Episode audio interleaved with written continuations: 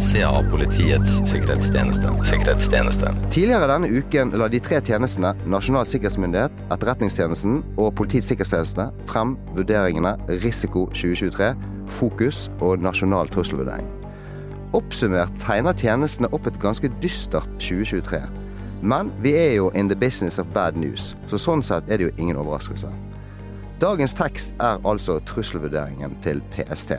Og med oss i studio har vi sjef PST, Beate Gangers. Velkommen. Tusen takk. Dette er første episode i tredje sesong av Pst på innsiden av PST. Og nytt i denne sesongen er at jeg har fått med min gode kollega Eirik Veum, som fremover skal løfte denne podkasten til nye høyder. Velkommen til deg, Eirik. Mange takk. Hva har du egentlig tenkt å gjøre her? Jeg aner ikke, Martin. Eh, Det tror jeg ikke du gjør heller. Men eh, noen har jo plassert oss her sammen, så det ligger sikkert en, eh, en fornuftig baktanke der. Jeg gleder meg veldig til å være her uansett i dette studioet sammen med deg. Møte mange av de utrolig dyktige menneskene som jobber her i, i PST. Høre hva de kan, og hva de jobber med. Kompetansen de har, utfordringene de møter, og, og også bli, bli kjent med dem. Så det blir, det blir veldig fint. Dette er Pst på innsiden av PST. Vi heter altså Eirik Veum og Martin Berntsen og jobber med kommunikasjon i PST. Spionasje, etterretning og hemmelighold. Terror og ekstremisme. Trusler, sikkerhet og beskyttelse. PST håndterer de mest alvorlige truslene mot landets sikkerhet. Vi skal ivareta demokratiet. Men hvordan jobber landets sikkerhets- og etterretningstjeneste? Og hvem er menneskene som jobber her? Vi inviterer deg nå med på innsida. Fra politimester til PST-sjef, Beate. Ja, Hvordan er det? du vet hva, jeg har jo jobba med mye rart gjennom tida. Så jeg har vært eh, politimester på tre forskjellige steder. Jeg har vært likestillings- og diskrimineringsombud, det første i Norge sågar. Jeg har eh, ti år bak meg i psykiatrien, det er kanskje noe av det jeg lærer mest med når jeg skal jobbe med folk som dere, så er jo det en god erfaring å ha med seg. Så eh, all erfaring Jeg har vært eh, daglig leder av eh, JURK, som er en studenthjelpsorganisasjon. Så jeg har mye rar erfaring, og så har jeg lang erfaring fra politiet, mange ulike lederstillinger. Men det å gå fra politimester til PST, ja, jeg har mista to milliarder, litt i overkant av to milliarder kroner, og en over 2000 medarbeidere. Så sånn sett så går jeg til en mindre organisasjon, men kanskje med et mer kraftig mandat, da, og en mer eh, videre mandat når det gjelder eh, geografi og ansvarsområder. Hva kan du fortelle om deg selv, da? Hvem eh, er du når du ikke er på jobb? Ja, hvem er jeg? Jeg er fra Asker. Eller er født i Asker. Jeg bor i Moss. Er, har et veldig, det er godt når du skifter jobber så mye at du er ganske stabil på privaten, så jeg har hatt samme partner i over 30 år. Har en hund. Jeg har også bodd tidvis i min ungdom i Frankrike, sånn at eh, jeg har jo etablert et godt forhold til en av de viktigste diplomene jeg har i livet. Er diplom dønologi, som jeg tror Martin må vite hva er av alle diplomer, så er kanskje det det viktigste. Det er jo vinlære. Så det syns jeg er viktig. Eh, Jeg sprer mine interesser veldig bredt, og det er derfor jeg aldri blir helt sånn spisskompetanse god på noe, men eh, har et ganske sånt mangfoldig interessefelt. Og så er du en tøffing, for du driver med isbading. Det har jeg gjort siden jeg var veldig ung, så det er min eh, Det er mentalhygiene, egentlig. Og fine øvelser for ikke grue seg til noe som tar kort tid og kanskje gjør litt vondt, og så er det over på null komma niks, og så er det godt etterpå. Ja, det var litt om deg, men eh, hvem tror du du blir som PST-sjef? Nei, eh, det kan jeg jo spørre dere om. Dere har jo sett meg i gangene, dere, og på møter, og jeg har jo for så vidt vært i PST før. Så jeg tenker det er en stor fordel, for eh, det er ikke så ofte at PST har fått en sjef som kjenner tjenesten, kjenner innsiden såpass godt som det jeg gjør. Så jeg har jo hatt fem år i PST før jeg begynte som politimester i Oslo. Kjenner fagfeltet, kjenner området, kjenner folka. Det er jo sånn i PST at folk liker å jobbe der, så det er ikke det er ikke så stor utskiftning, det er ganske stabilt, så det var et gledelig gjensyn å komme tilbake, treffe gamle, gode kolleger. Beate, hva vil du med PST? Jeg vil ta med all den erfaringen jeg har fra tidligere, selvfølgelig, og bruke det for alt det er verdt inn i den eh, nye rollen. Og så er, er jo min jobb å sørge for at alle de flinke folka som jobber i PST, skal kunne levere så godt som mulig. Det stiller jo krav til meg som leder. Ledelse er et fag, Og, og lederne er viktig for å både motivere, skape engasjement, se alle som er i organisasjonen og, og hvor viktig hver, hvert av deres bidrag er for at vi sammen skal lykkes. Og så er det to-tre ting som jeg skal mase mye om i året som kommer, skal jeg love dere. Eh, det ene som eh, jeg er opptatt av, det er at PST det er mer enn vi som sitter her i Oslo. Vi har folk i hele landet. De henger under politimesteren administrativt, men faglig under PST. Der er det mye kompetanse. De gjør en kjempejobb lokalt, eh, og er helt, vi er helt avhengig av de for å få spredd vår kunnskap ut til det ganske land. Så det er det ene. Eh, og så har jeg to eh, masepunkter som vi skal ta opp titt og ofte, og de gjenfinnes også i vårt oppdragsbrev fra Justisdepartementet, som på fint heter tildelingsbrev. Der er det fem utfordringer som nevnes spesielt. To av de er jeg veldig ekstra, ekstra opptatt av nå i 2023. Det ene handler om trusselkommunikasjon og jeg er veldig opptatt av hvordan klarer vi å kommunisere for ulike grupper, eh, ulike folk? Hvordan tas budskapet imot? Og hvordan klarer vi også å kommunisere hva vi som sikkerhetstjeneste gjør med de bekymringene vi deler med, med vårt ganske land? Så trusselkommunikasjon er et eh, viktig område.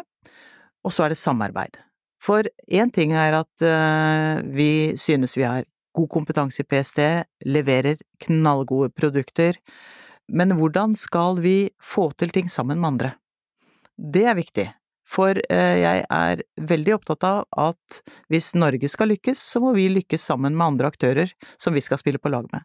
Så trusselkommunikasjon, samhandling, det å klare å bruke hele PST, også de, de som er ute i distriktene våre, det skal få høyt fokus i 2023. Vi som jobber eh, i PST, vi har jo allerede merket at du har markert deg tydelig som leder for tjenesten. Hvordan vil du at vi skal oppfatte deg som sjef? Én ting er jo hvordan jeg vil at dere skal oppfatte, men nå jeg, begynner jeg å bli litt dreven. Da. Jeg begynner å bli grå i håret, jeg har fortjent masse rynker eh, og grått hår fordi jeg har eh, sittet i veldig mange lederstillinger, så jeg begynner jo å få noen tilbakemeldinger som eh, Og noen av de sammenfalles. Jeg fikk en beskrivelse når jeg slutta i Oslo politidistrikt, fra byrådslederen faktisk, hva sa han? Eh, mild fasthet, sa han. At jeg leder med mild fasthet. Eh, kanskje det kan beskrive litt. Eh, jeg har fått beskjed om at jeg ser alle at jeg er engasjert. Og det har jeg tenkt å fortsette med. Holde litt uh, spiriten oppe. Uh, og det å stille litt krav også til folk. Det tror jeg også er viktig for en leder, faktisk. Vi har de ressursene vi har. Vi har de rammene vi har, og vi skal levere på det oppdraget vi får så best vi kan. Og det skal vi gjøre sammen. Ja, men Det er gode svar, Beate, så vi skal kan følge opp senere også. Kan, kanskje her. Så må det også nevnes at Eirik også begynner å bli ganske grå i håret. Ja, han har vel også mye god erfaring, som jeg er glad han tar med seg inn her til oss. Ja, men jeg har iallfall hår. Ikke bli tynn. men det er vel fortjent, det er det jeg vil ta fram. Det, det koster å stå på eh, gjennom år, men fy søren eh, så mye det gir når man klarer å lykkes i arbeidet sitt. Eh, jeg tenker at uh, før vi går videre på hva som truer Norge i 2023, som vi innledet med her, så tenker jeg vi må snakke litt om året som har gått. Og du har sånn sett bare vært i PST et uh, halvår nå. Men i begynnelsen av fjoråret begynte det ganske dramatisk. 24. februar så invaderte Russland Ukraina. Det gjorde ganske mye med innsiden. Da måtte vi håper jeg, allokere ressursene på en annen måte enn det vi gjorde i januar. Mm. Selv om kanskje krigen ikke var så overraskende, så var det også et sjokk internt. Hva tenker du om det, at man må snu seg fort rundt? Jeg tenker det er, det er en del av livet. Det er også en del av det å være leder, at du skal være relevant, at jeg skal klare å utnytte de ressursene som er tilgjengelige hele tiden på det som er oppdraget vårt, og det kan jo endre seg tendensene i verden treffer oss. Altså, vi ser jo at skjer det noe internasjonalt, så ser vi det igjen på gata i Oslo ganske raskt. Eh, vi blir prega av det som rører seg også sikkerhetspolitisk, så det er helt naturlig at vi da må eh, jobbe litt annerledes. Ha en fleksibel organisasjon. Det er jo folk som sitter med grunnkompetanse innenfor eh, analyse, innenfor etterforskning, innenfor de ulike områdene våre, så det må vi utnytte der hvor det er mest behov. Og nå er det helt åpenbart at vi må forsterke innsatsen vår når det gjelder kontraetterretning og ikke-spredning. Mm. Men så skjer det noe frem mot sommeren, nemlig en tragisk hendelse 25. juni.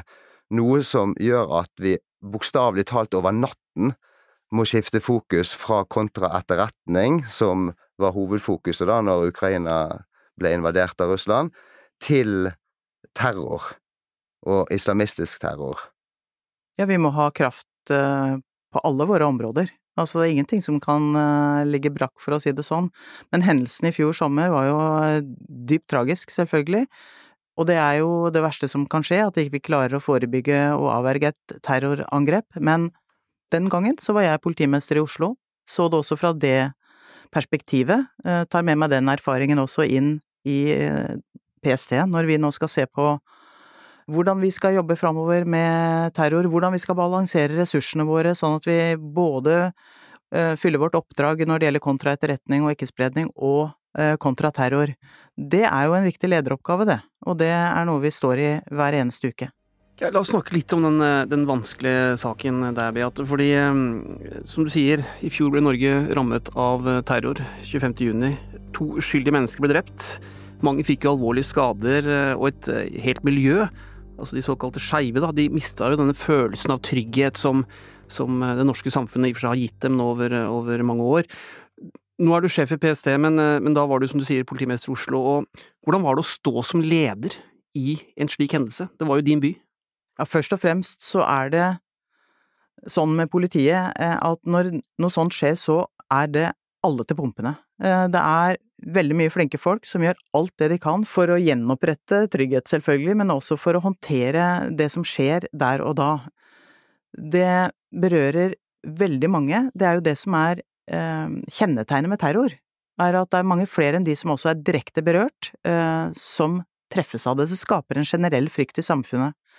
Så det må jobbes bredt, både med å håndtere de som er på stedet. Det må jobbes med etterforskning av saken, det må jobbes med informasjon ut til samfunnet, det må eh, Vi må selvfølgelig lære av det som har skjedd også, for å se er det ting vi kunne gjort bedre og annerledes, men eh, først og fremst takk til alle de som har vært med på, på det, det arbeidet. Det er gjort en formidabel innsats.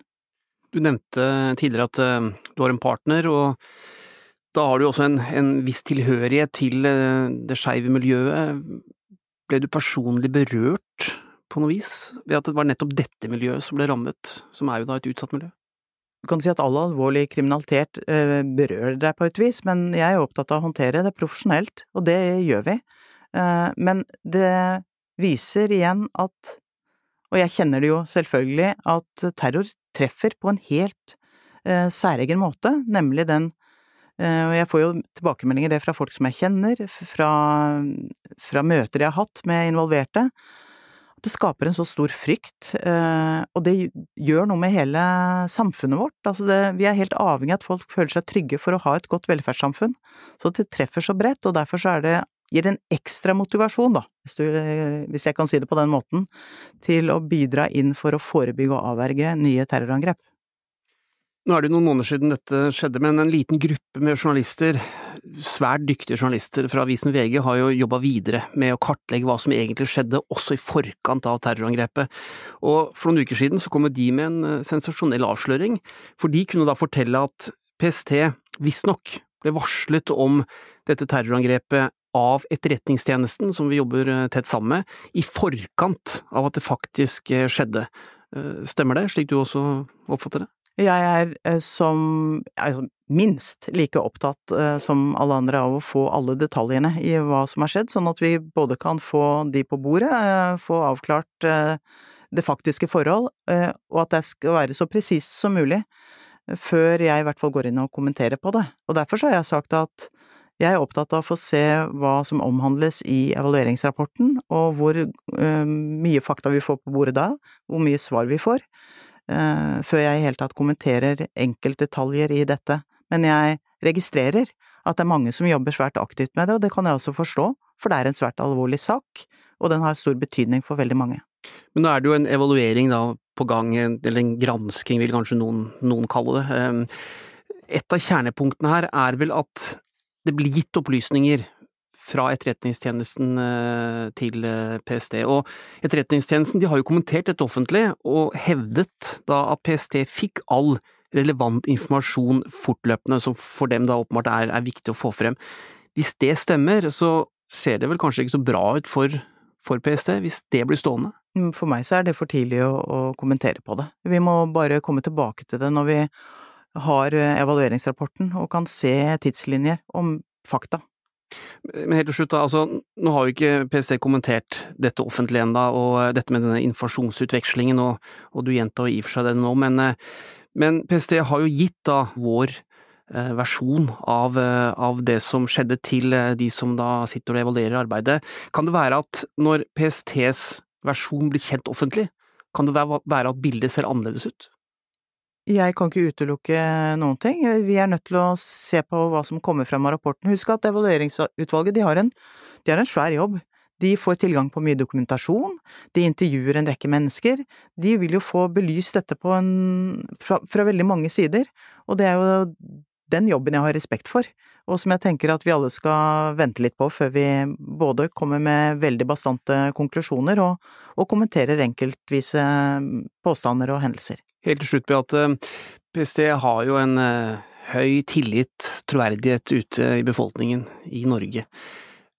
Er det viktig for deg at denne åpenhetslinja som PST har valgt, at den fortsetter, slik at uh, man kan snakke med og til den befolkningen man er satt til å beskytte? Ja, absolutt. Vi er nødt til å snakke både til og med både folk, med næringsliv, med myndighetspersoner, med beslutningstagere, slik at Eh, vi sammen kan bidra for å forebygge alvorlig kriminalitet som rammer rikets eh, sikkerhet.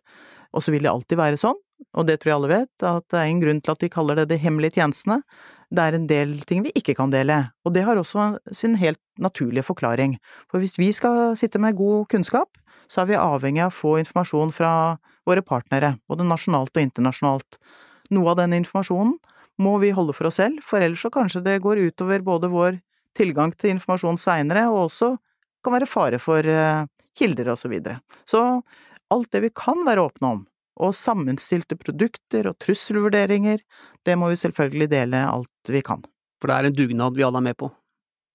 Ja, vi har hver våre roller, så jeg skal ikke underslå den viktige rollen PST har for å gjøre andre i stand til, og gjøre andre gode, men ja, det er litt lagspill.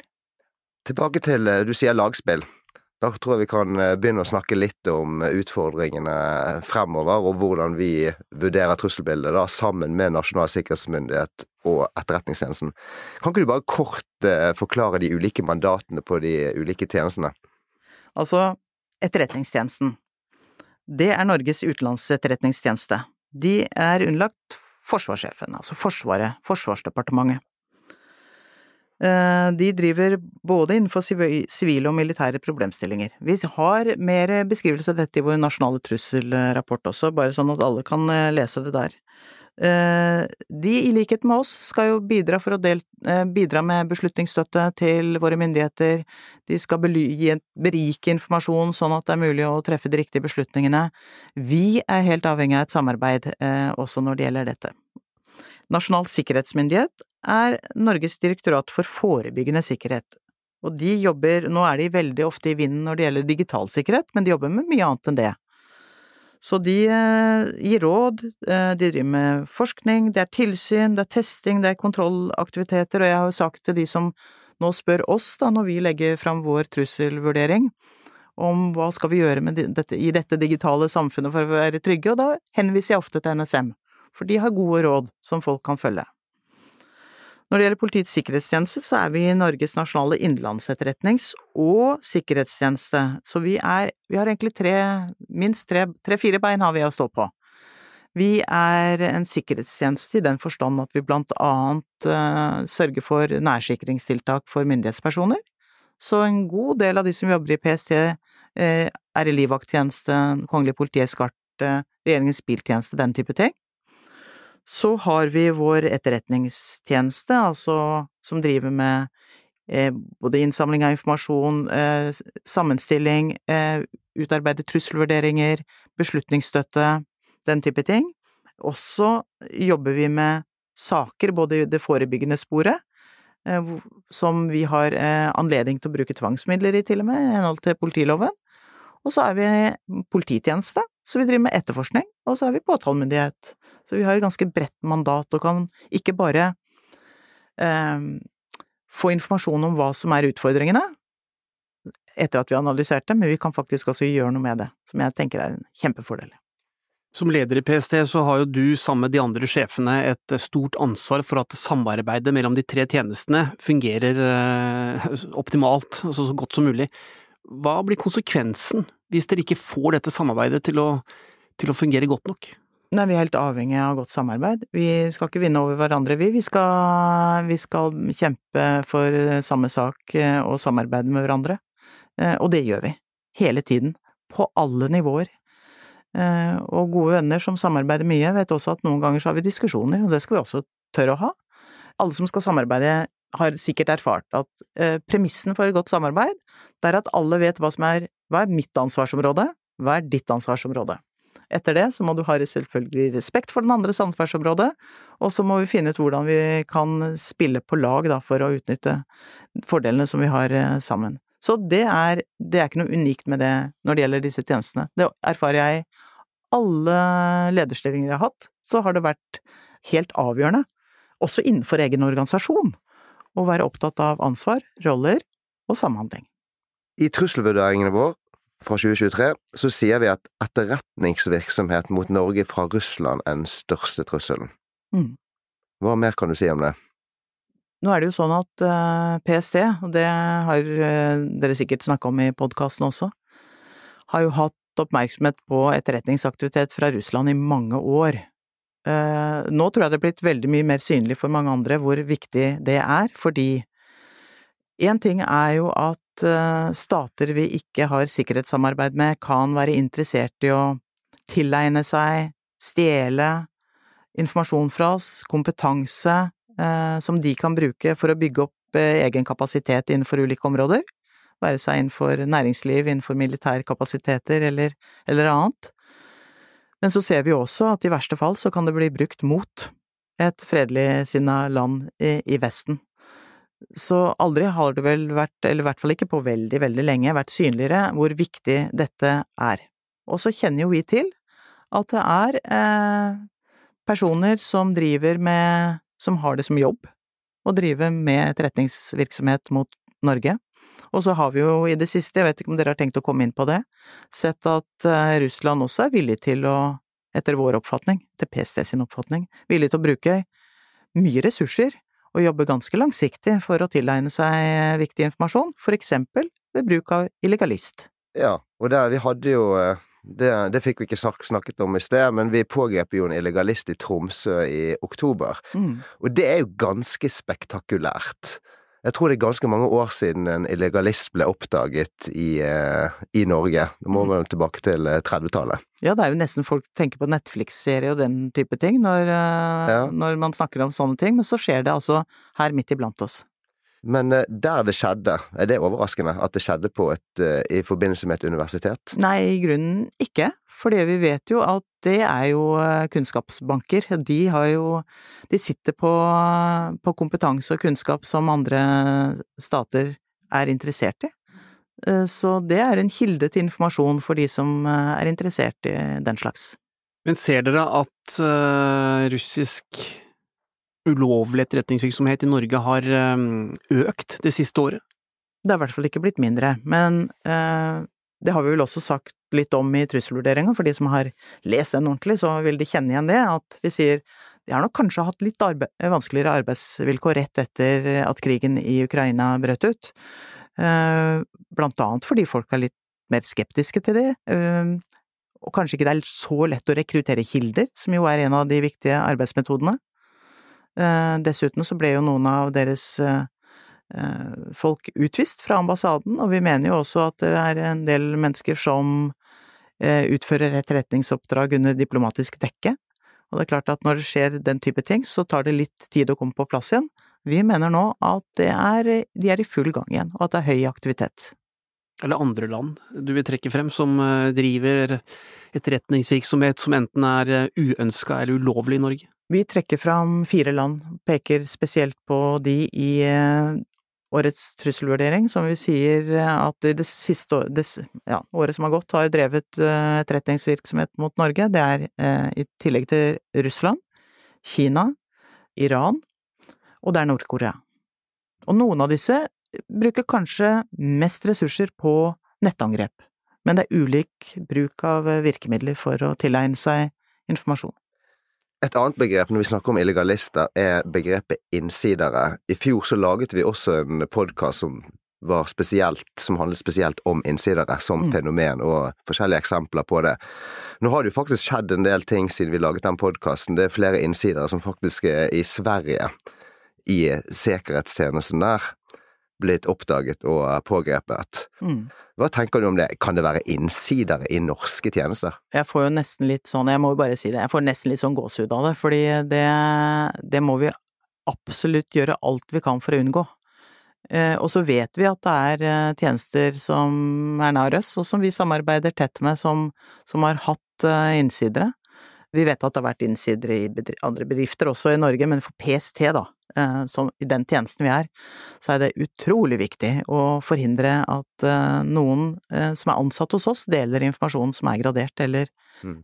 på annen måte gjør ting som, som vi ikke kan tolerere. Og det er jo grundige runder når det gjelder klarering, vettinger, for, og vi har regler som er så strenge at folk syns det er litt slitsomt å komme til oss. Ikke er det lov å ha med telefonen dit, og ikke kan du gifte deg med den du vil nesten uten å miste jobben, så det er jo strengt, men det er av en grunn. Men uh, i PST så er vi jo 1000 ansatte. Hva gjør vi her for å unngå at noen lar seg friste til å bli illojale? Ja, i tillegg til at uh, dere er fett betalt, mener du? sånn at vi ikke skal bli frista? Nei, vi har jo uh, et sikkerhetsregime som er mer enn de aller fleste. Det har vel etterretningstjenestene. Det, det har nok de, de, to andre også, NSM og, og Etterretningstjenesten. Men uh, det er et kontinuerlig arbeid som vi alltid må ha med oss i, i det vi driver med.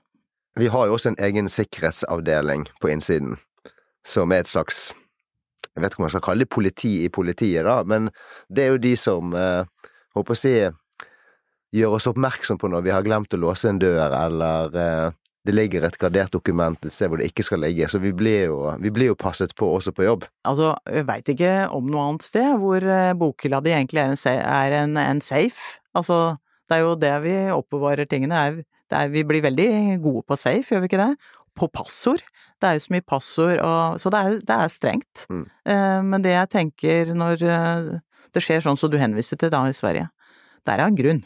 Så det koster å være sikker, men, eh, og vi skal ha folk som passer på oss, og de sier til og med ifra til sjef PST, det står ikke på det, hvis det skulle være noe behov der for å stramme opp, så, så har de fullmakter til å stramme opp alle i organisasjonen, til og med dere. Til og med oss. Men de er veldig hyggelige, de folkene som jobber der, det, det skal sies. Ja, ikke så hyggelig. De har, de har, en viktig jobb, de. Ja. Veldig viktig jobb. Uansett, uh, vi må snakke litt om radikalisering og ulike former for ekstremisme. Hva er status der i 2023? Det er mange ulike retninger innenfor ekstremisme, og jeg vil bare understreke at vi snakker om ekstremisme. Vi snakker ikke om at folk ikke skal ha lov til å ha ulike oppfatninger. Det må vi ha rom for i, i samfunnet vårt. Så at folk eh, tror på mye forskjellige ting, og at de er tilhengere av veldig mange forskjellige ting, det er eh, helt ok, det. At de til og med tenker og har holdninger som noen av oss kan synes er veldig både rare og feilaktige, det er også helt greit. Men det som vi er opptatt av, det er jo å avdekke om det er folk som blir radikalisert, altså som får en økt vilje til å bruke vold for å oppnå det de tror på, eller det de er opptatt av. Det er det som puttes under dette ekstremismebegrepet. Og så opererer vi med forskjellige begreper, da. Noen av dem er litt vanskelig å uttale, så jeg skal ta litt sats, men vi har høyreekstremisme. Så har vi ekstrem islamisme. Innenfor eh, disse retningene så kan det være ulike underretninger. Vi har antistatlig ekstremisme. Dette beskriver vi også i rapporten vår, og så sier vi noe om hvor sannsynlig vi tror det er at eh, disse representanter for disse retningene, altså, det er jo individer vi snakker om, mm. hvor sannsynlig er det at disse vil begå et terrorangrep i løpet av 2023? Så prøver vi å kategorisere det i rapporten vår, da. Og det vi har sagt, er at eh, PST vurderer at det er mulig at eh, det vil kunne forekomme et terrorangrep som er begått av folk fra den ekstreme islamistsiden eller høyreekstremister. Så sier vi også at det er noen andre retninger som vi mener det er mindre, altså lite eller svært lite sannsynlig at vil begå eh, terrorangrep. En av de spennende områdene som vi beskriver litt i rapporten, det er en retning innen høyreekstremismen. Skal jeg se om jeg klarer å uttale det uten feil. Og det er akselerasjonismen. Og det handler om at noen mener at det haster med å ta et oppgjør med eh, samfunnet slik det er nå, altså også ved bruk av terror, for å forhindre at det skal bli færre hvite borgere enn eh, en innvandrere. Og det betyr at for å opprettholde hvitt, en hvit majoritet, så mener de at her må man ty til ekstreme midler, som for eksempel bruk av terror. Dette er jo sånne retninger som kan være nye for oss, men som vi er nødt til å, å være oppmerksom på. I trusselvurderingen så ehm, skriver vi også om eh, konsekvensene av eh, enkelte handlinger, som blant annet brenning av eh, Koranen. Det har skapt en del reaksjoner, men, men først, hva er det vi skriver om det?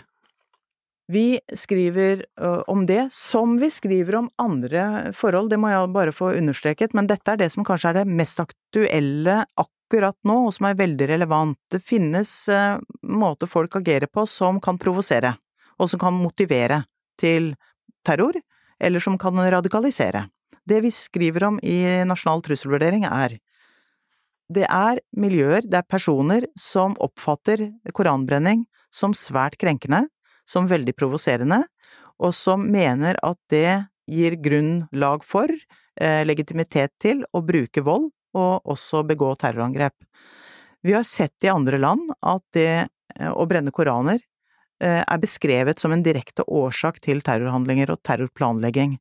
Og det har vi beskrevet eh, faktabasert i vår nasjonale trusselvurdering. Så det vi faktisk sier er at en lovlig handling, som da faktisk brenning av Koranen er, mm. det kan få alvorlige konsekvenser fordi noen mener at det er krenkende?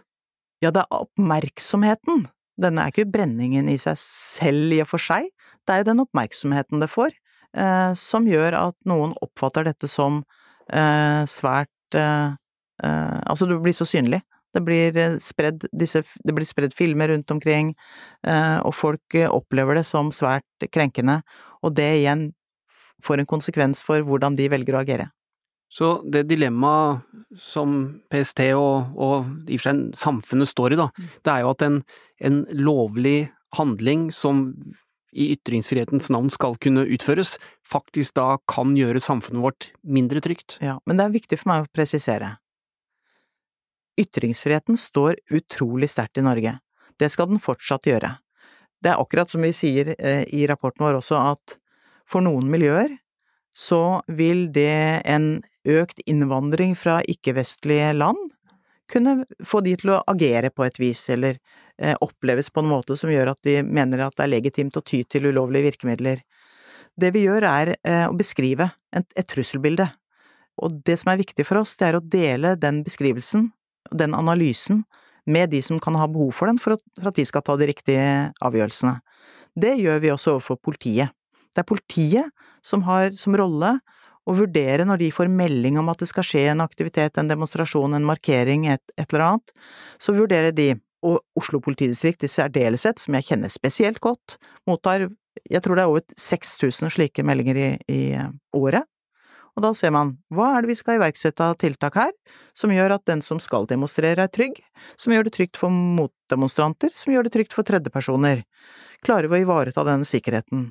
Og som regel så gjør de det. Ofte så er det ikke tiltak, noen ganger er det noen tiltak, eh, og ofte så iverksettes det tiltak i dialog med arrangøren som også er opptatt av at dette skal gå eh, ordentlig og rolig for seg. I svært få tilfeller så kommer politiet til at på denne, dette arrangementet, der hvor dere har sagt dere skal være, på den tiden dere skal være, kan ikke vi garantere for den sikkerheten, vi klarer ikke å sikre arrangementet godt nok. Og så sier man nei. Men det er utrolig sjelden. Det som PST leverer fra seg av beslutningsstøtte, i form av trusselvurdering, Det vil være en del av hele den vurderinga. Det kan de bruke når de skal vurdere dette, men det vil være vanligvis eh, også veldig mange andre ting som de er nødt til å vektlegge når de tar en beslutning. Så for PST så er det jo, så jeg skjønner det riktig, viktig å gi en konsekvensanalyse av da hva en handling kan føre til, helt uavhengig av hva mottaker eller andre måtte mene om den analysen. Det er jo vurderingen som vi skal stå for. Ja, og vi, må, vi skal være veldig påpasselige også her med å være profesjonelle. Eh, sånn at de vurderingene de skal basere seg på fakta.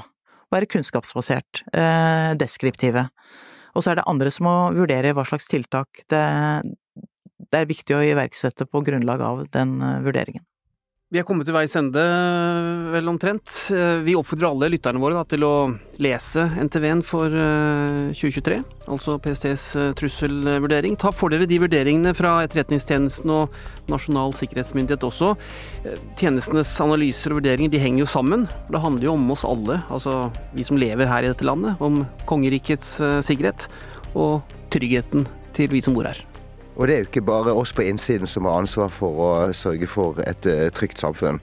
Det er også en uh, bevissthet enkeltpersoner og bedrifter må ha. Å være seg ansvaret bevisst. Så jeg tror vi avslutter med å si sov godt med trusselvurderingen på nattbordet. Veldig godt tips. Ser du noe, si noe.